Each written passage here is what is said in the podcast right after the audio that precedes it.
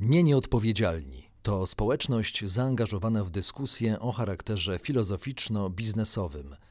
Naszym celem jest uwrażliwienie ludzi biznesu i nas, obywateli, użytkowników tego świata, na różne aspekty odpowiedzialności. Zapraszamy na spotkanie z kolejnym autorytetem, który pomaga zrozumieć i zmieniać siebie, a także rzeczywistość na lepsze.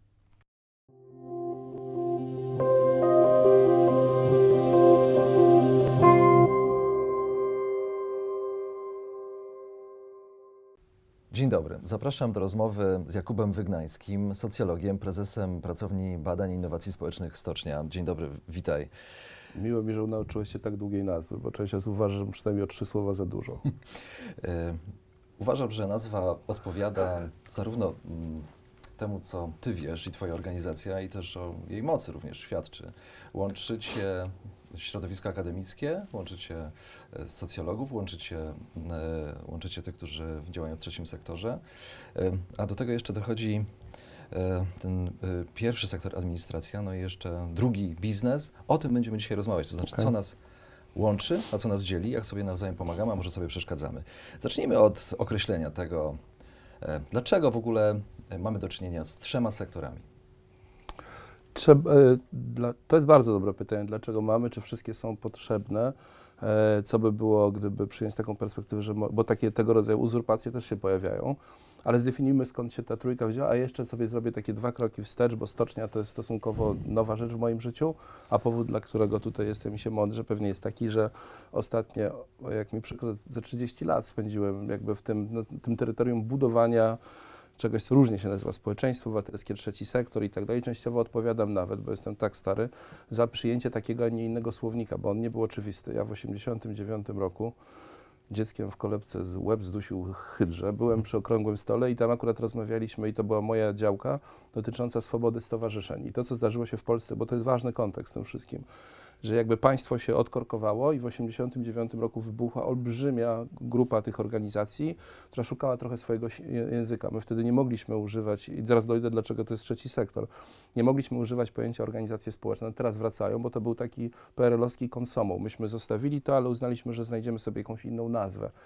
Można je technicznie nazywać fundacjami, stowarzyszeniami, no ale z jakiegoś powodu powstało to pojęcie trzeci E, sektor i to był rodzaj wyboru. Nikt ani w Polsce, ani na świecie w ogóle, no być może widzowie tego, być może osoby bardziej e, nie wiem jak to powiedzieć, oczytane, doświadczone w takich grach międzysektorowych, w tego rodzaju warcabach, wiedzą, że w ogóle te trzy sektory istnieją, ale nie miejmy złudzeń. Ten, to pojęcie trzeciego sektora nigdy nie przedostanie się do e, opinii publicznej.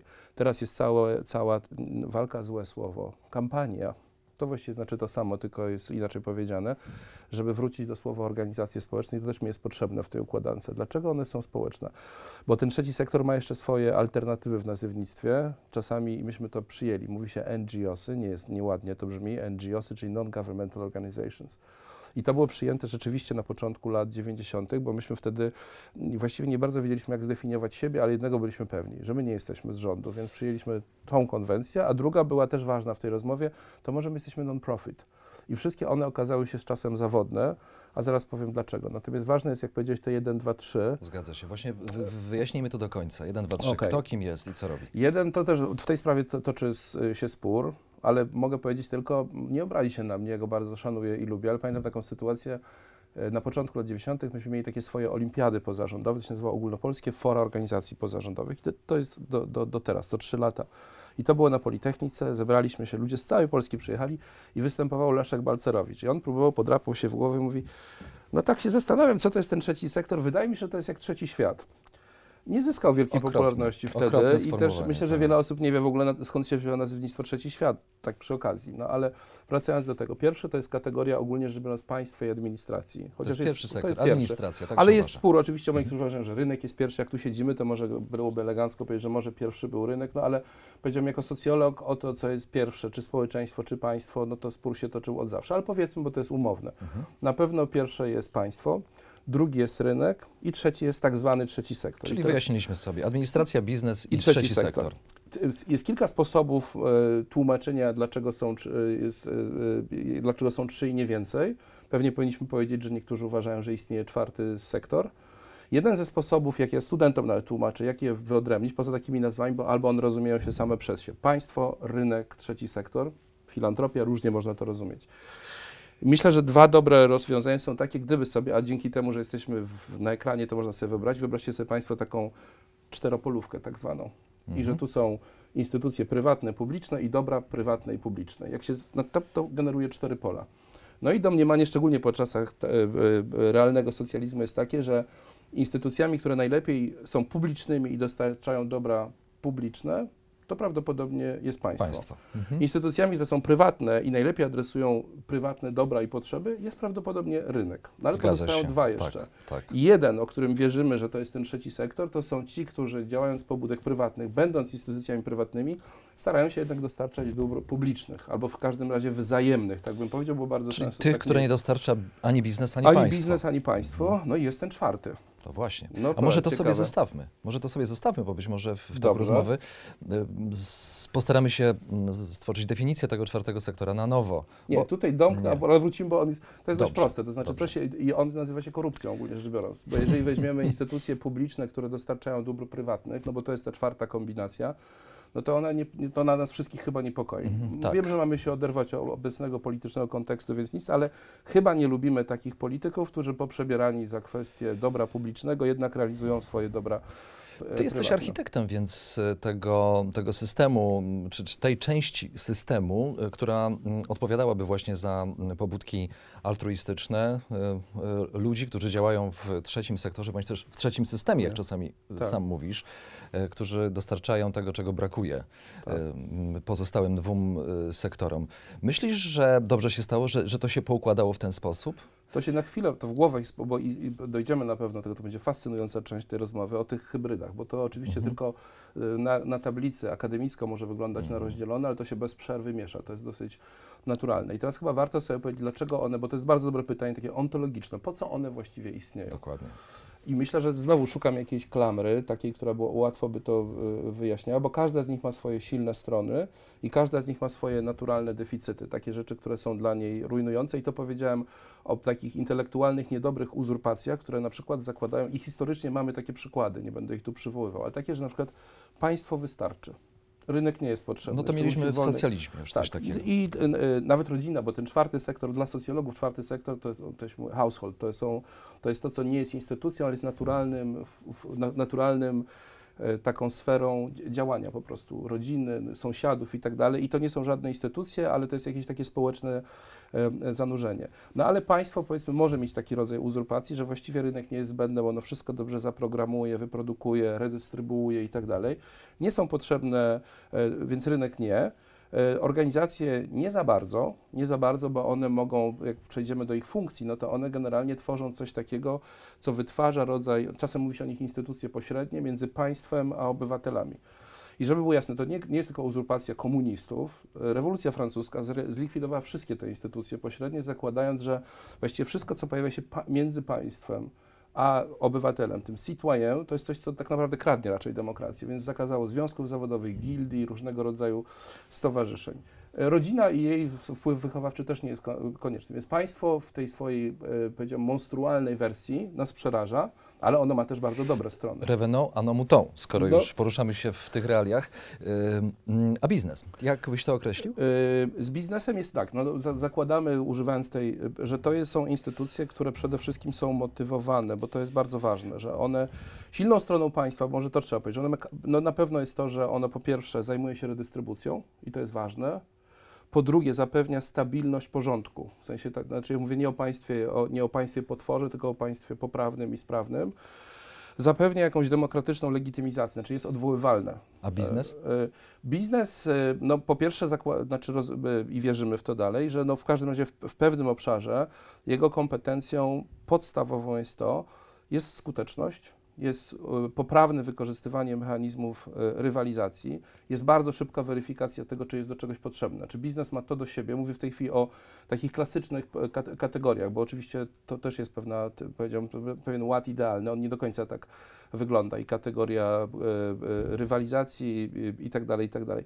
Ale biznes ma tą na pewno zaletę, że on dość szybko się okazuje, czy on jest komukolwiek potrzebny. Więc on jakby bardzo takie, chciałbym, takie brzytwy, które polegają na tym, że albo jesteś, albo giniesz, działają dość e, dobrze i na pewno silną stroną biznesu jest jednak bardzo silne skoncentrowanie na efektywności. No i, I teraz trzeci. i wreszcie trzeci sektor, o którym już powiedzieliśmy.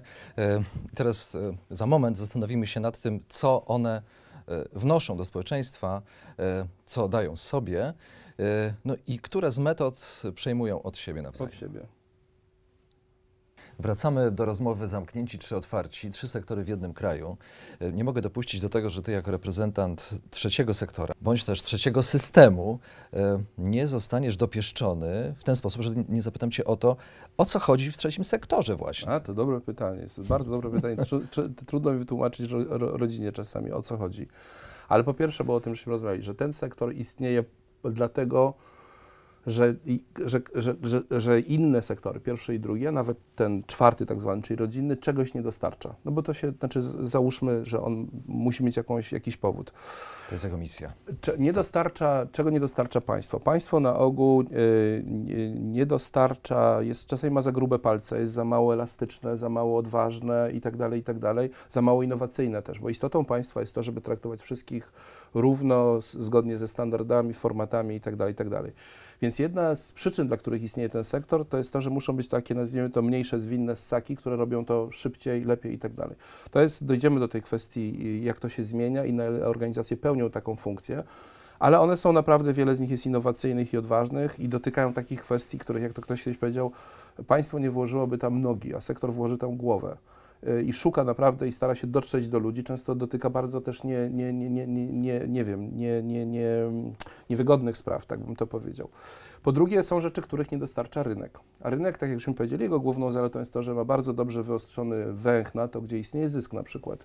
Gdzie jest ta nisza, na której można coś e, Kieruje się zarobić. też marżą, czyli po prostu e, pójdzie tam, gdzie, tam, jest, gdzie jest dużo. masa. Tak, tak, tak, tak. No więc jeżeli weźmiemy pod uwagę, to można by, to jest zbyt już, ale kiedyś można porozmawiać o bardzo specyficznych, na przykład, nie wiem, kwestia leków, farmaceutów, no i wielu, wielu innych rzeczy, w których można zacząć te logiki nie tym się pomyślałem. Tak. Więc rynek nie dostarcza tam, gdzie nie można tego, jak to się powiedziało w tym, znaczy zmonetaryzować. No, jeżeli ktoś chce dostarczać, no wszystko jedno, że wezmę tych bezdomnych czy jakichś innych i tak dalej, no to nie są ludzie, którzy mają przy sobie pieniądze i nic z tego, y, mają inne być może rzeczy, ale generalnie to jest tam, tam nie ma pieniędzy. Albo te rynki, nawet jak je się super posegmentuje, są za małe. Są za małe, nie można tam nic, nic złowić. No pomijając to też to, że generalnie no, intencją rynku, to o tym pewnie będziemy rozmawiać, to, to w, czym tutaj często jesteśmy świadkami, nawet ten pomysł na nie nieodpowiedzialnych, no, sugeruje jakieś domniemanie, że może, że trzeba o tym mówić, bo być może ktoś jest naprawdę Zgadza nieodpowiedzialny. Się. Zgadza się. No więc rynek generalnie zwolnia, zwalnia się często z tego rodzaju moralnych y, dylematów. No, jak to mówi, the core business of business a bardziej business. Bardzo biznes lubię sam sobie pozwolił na to, żeby się zwolnić, a teraz trzeba by trochę go ponaprawiać. No może. więc ten ryn- teoretycznie ten sektor istnieje po to, żeby wypełnić tą dziurę. I to jest jedno z jego wielkich zalet, ale też wielu znieszczeń, bo on jest skazany na to i to jest coś, przed co bardzo przerabiamy. Jak powiedziałem, poza pojęciem trzeci sektor, jest jeszcze pojęcie non-governmental i non-profit. I teraz non-governmental sugerowałoby, że on y, no, nie jest rządowy, ale też prawdą jest, że ten sektor, jakbyśmy wewnątrz go podzielili, to znudzi naszych widzów, ale on nie jest monolitem. Zresztą każdy z nich. I administracja też nie jest, i rynek nie jest. Dlatego, że są stowarzyszenia, fundacje Jedna i to jest różnica spółki non-profit? Tak, że są różne bardzo, y, to jest dobry trop, że są stowarzyszenia i fundacje, no w sensie kanonicznym, w Polsce to są od tego powiedziałbym istotne wyjątki, jest tak, ale to warto przypominać, szczególnie ludziom biznesu, że jak myślimy o fundacji, to to jest instytucja, której istotą jest kapitał finansowy. Fundacje, a w Polsce istniały od XIII wieku, często o tym zapominamy. W Polsce istniał bardzo silny sektor fundacji. W 1952 roku polskie fundacje zostały znacjonalizowane ich majątek został e, e, zabrany. Pojedyncze, które znamy, no ci, którzy może są w moim wieku, wiedzą, że istnieje na przykład Fundacja Kościuszkowska, ale to właśnie dlatego, że ta fundacja nie miała siedziby w Polsce wtedy. Ale generalnie nowy ruch fundacji odradzał się dopiero do 1984 roku. I tych fundacji w Polsce istnieje kilka tysięcy, tylko większość z nich nie posiada żadnego kapitału. Właściwie jest jeszcze jedną metodą pozyskiwania kapitału. I to jest gigantyczna różnica i myślę, że skorzystam z obecności przed takim audytorium, żeby powiedzieć, że jeśli chodzi o tą filantropię korporacyjną, nie wiem jak to powiedzieć, to jest słabo, słabo. Drodzy przedsiębiorcy, powiem Wam, tak. często mówię, nie ma zachęt podatkowych, nie ma zachęt podatkowych. Polska ma jeden z najbardziej szczodrych systemów zachęt podatkowych dla odpisów dla e, CIT-u. W Polsce można odpisać do 10% podatku o, obniżyć o tyle podatek. 1% firm, 1% firm w ogóle korzysta z tego i suma wszystkich wpłat w tym systemie wyniosła około 400 milionów złotych. Cały polski To jest sektor- mała kropla. no to jest w ogóle nic. To Mhm. jest nic. Jest 1% PIT-u. Ja jestem jednym z głównych autorów tego i trochę żałuję, dlatego że on w sensie mentalnym w dużej mierze skanibalizował filantropię, bo ludzie kompletnie absurdalnie uważają to za filantropię. Nie ma to nic wspólnego z filantropią. To w tym języku, to było wymyślone kilk, kil- ładnych 10 lat temu ponad, w tym języku to byłby budżet partycypacyjny. To jest alokowanie pieniędzy, które są bezpośrednio, bezpośre- bezpowrotnie dla nas stracone. Trudno to nazwać W tym jednym procencie też chyba większość zgarniają te największe fundacje, które mają duże dotarcie marketingowe. To jest Eee, metoda znowu dotarcia biznesowa. Stricte. Trochę, no plus do tego, ale to dotykamy już kwestii delikatnej. Większość tych pieniędzy tak naprawdę idzie na potrzeby osób indywidualnych, które są w tarapatach. Y, Czyli ten 1%, to nie o tym jest ta audycja, ale w dużej mierze został sprywatyzowany. I instytucje, nawet jeżeli widzimy, że fundacja XYZ zbiera, nie wiem, 300 milionów, 17,5 miliona Polaków wypełniając PIT używa tego instrumentu. To jest łącznie około 700 milionów e, e, e, złotych, więc to nie jest mało, ale większość tego idzie na indywidualne osoby. Ten mechanizm i to takie, które częściowo znamy, ktoś nam powiedział, to nie tak miało działać. To znaczy to nie miało subsydiować deficytu w zarządzaniu NFZ-em. Tak Jednym słowem, powiedział. twoja wina. No to jest trochę moja wina, ale gdybyśmy mieli połączyć siły, to po pierwsze, no to nie jest tak, że tylko takie instytucje funkcjonują. No ja sam akurat dość w, w, o tej porze roku jestem prawie zawsze jałmużnikiem i, wsp- i namawiam do wspierania na Fundusz Obywatelski.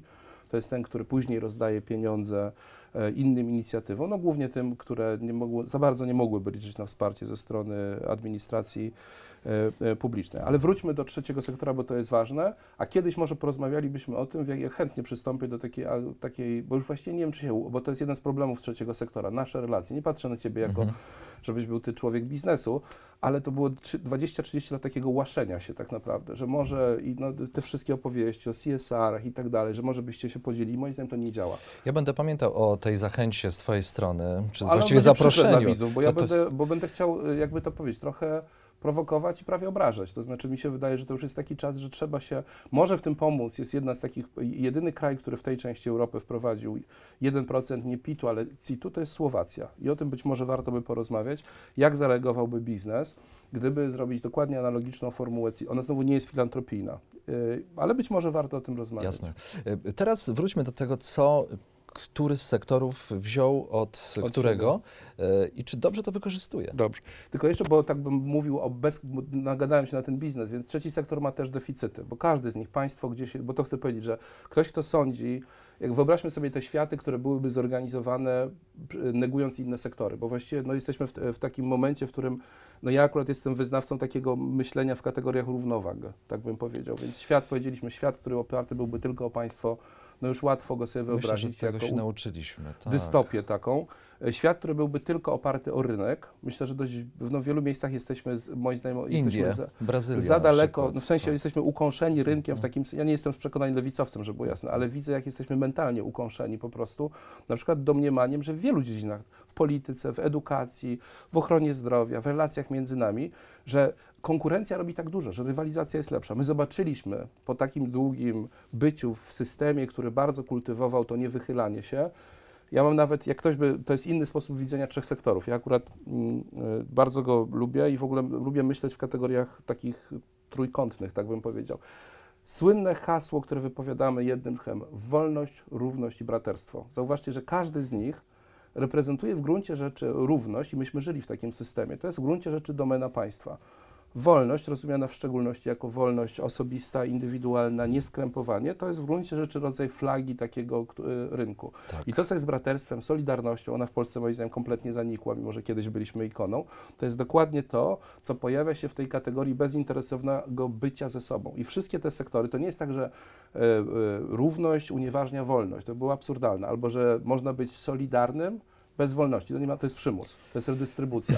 I wydaje mi się, że wszystko jest o tym, żeby to pozostało w równowadze. Czy nie zależy to od tego, w jaki sposób my używamy, po pierwsze pojęć, albo tego, co te pojęcia uruchamiają? I o, o tym proponuję, żebyśmy porozmawiali już za dwie sekundy. Powiem tylko o jednym problemie trzeciego sektora, bo najwyżej to sobie wiem, że, że on też nie jest immunologizowany na, na wady, bo on też ma poważne. Jak powiedziałem, to jest sektor, w którym istnieje bardzo dużo ludzi, którzy mają olbrzymie przekonanie o tym, że no, są misyjni, że oni są, wybrali lepszą cząstkę, że są, a jednocześnie to jest sektor, który sam siebie nie potrafi kwestionować, bo ani go nie odwołasz w wyborach, może robić co chce, dopóki ma pieniądze, dopóki ktoś mu je da, będzie to robił. Nie ma też weryfikacji rynkowej na ogół, bo właśnie od niej się uwolnił. Chciał powiedzieć, to nie o to chodzi, że nie potrafimy na siebie zarobić, więc jego przekleństwem, a każdy z tych sektorów ma swoją własną chorobę i swojego własnego wirusa, jest to, że on ma takie domniemanie, jakby to powiedzieć, nieśmiertelności. W takim sensie, że właściwie dlaczego nie?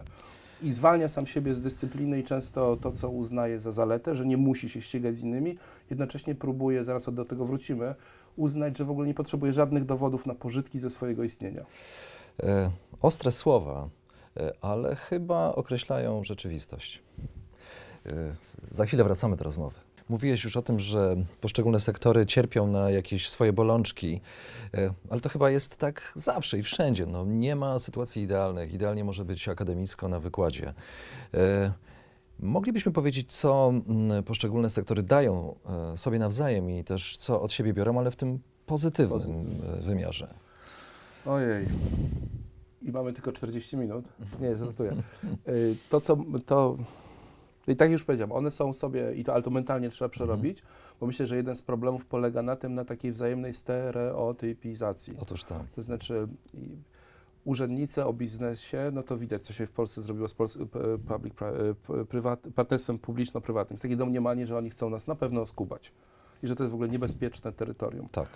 E, pewnie biznesmeni o urzędnikach uważają różne rzeczy, że są powolni, zbiurokratyzowani, spoli, no mnóstwo i tak dalej jest jakieś wyobrażenie na temat ludzi w swetrach, takich jak ja, NGO-sowców i tak dalej. Kim oni mogą, e, e, kim oni mogą być?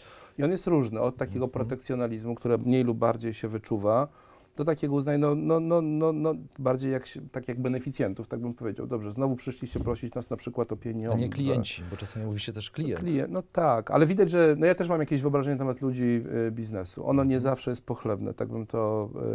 Y, I my jakoś nawzajem, myślę, że to trzeba być jakiejś równowadze, bo istnieje dla każdej z tych trzech grup istnieją takie, e, takie powiedziałbym, takie postaci, takie toposy, os, takich właśnie zły biurokrata, pa, pazerny biznesmen, i taki e, fałszywy działacz i aktywista, który ma gębę pełną frazesów, no trochę jak polityk, a jednocześnie chodzi mu wyłącznie o własne Ale nie wypuszcza cię ze studia, jak jeśli... nie coś do, tak, dobrego. Tak, tak, tak, tak. Ale są też dobre i myślę, że każdy z nas, jak już poczuje, i to jest, jest, jedno jest bardzo ważne, żeby się to w czasach, w których ludzie bardzo często się nie, jakby uznać wzaje, potrzebę wzajemnego istnienia i uznać swoją odrębność. Znaczy prawdziwe partnerstwo polega na tym, i tylko wtedy jest płodne, jeśli polega na tym, że uznaje, że może i ty masz coś, czego ja nie mam. I teraz jest pytanie, co my nawzajem y, możemy sobie y, dać.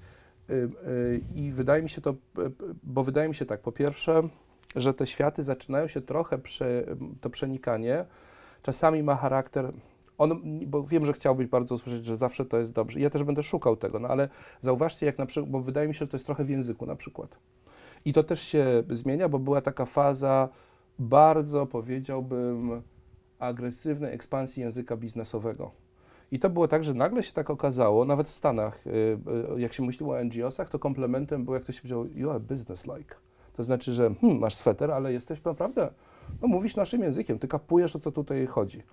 O państwie myślało się też tak, że państwo właściwie cały ten, e, co ja uważam za zły skręt, tak bym powiedział, jeśli chodzi o government. Pojawił się new management. New, new public management. Tak. To znaczy, że właściwie państwo właściwie jest przedsiębiorstwem, da się te usługi tam sprzedać, skomercjalizować, kupić i tak dalej, i tak dalej. I że znowu właściwie od, od, od państwa zaczęliśmy oczekiwać tego, że nam się stanie. I to jest jeden rodzaj, i moim zdaniem biznes był najbardziej e, agresywny. Znaczy miał różne środki do tego, Bo też żeby był duży potencjał. Że to, jest, że to jest norma, że właściwie te inne to są takie sektory dla słabszych trochę i że i tak dalej.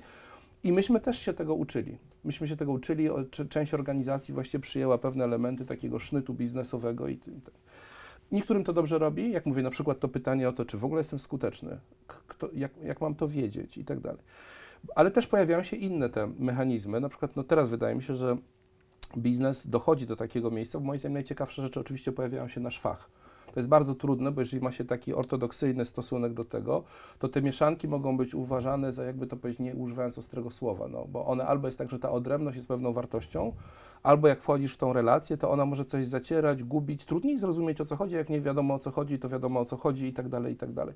Ale zwróćmy uwagę, szczególnie siedząc w tym miejscu, w którym siedzę, spółdzielnia, doradcy finansowi, no i tak no w ogóle zauważmy, że też są takie typy działa, działania, które zostały wymyślone na pograniczu. Na przykład pojęcie spółdzielnia, modniej i hipstersko będzie powiedzieć kooperatywa, chociaż jest to, znaczy to jest to samo no to to jest coś takiego, co ma pewne cechy sektora pozarządowego, a mianowicie teometryczną strukturę, jedna osoba, jeden głos, no różne te rzeczy, które kojarzone są z tym sektorem pozarządowym, a jednocześnie nie zwalnia z siebie z jakiejś dyscypliny takiej, powiedziałbym, finansowej. Jest jakby, Rynkowej, tak. No tak, tak, ma takie DNA, które jest stamtąd, a znajduje się tutaj. I takich hybryd jest coraz więcej. No widać, co się dzieje w biznesie, jak on szuka nowych modeli zarządzania, bo skapował na przykład o, że dla ludzi, którzy pracują, pewnie nie dotyczy tutaj, tutaj, pracujących, ale że nagle może się okazać, szczególnie w sytuacji rynku, nazwijmy to rynku pracobiorcy, pracownika, pracownika.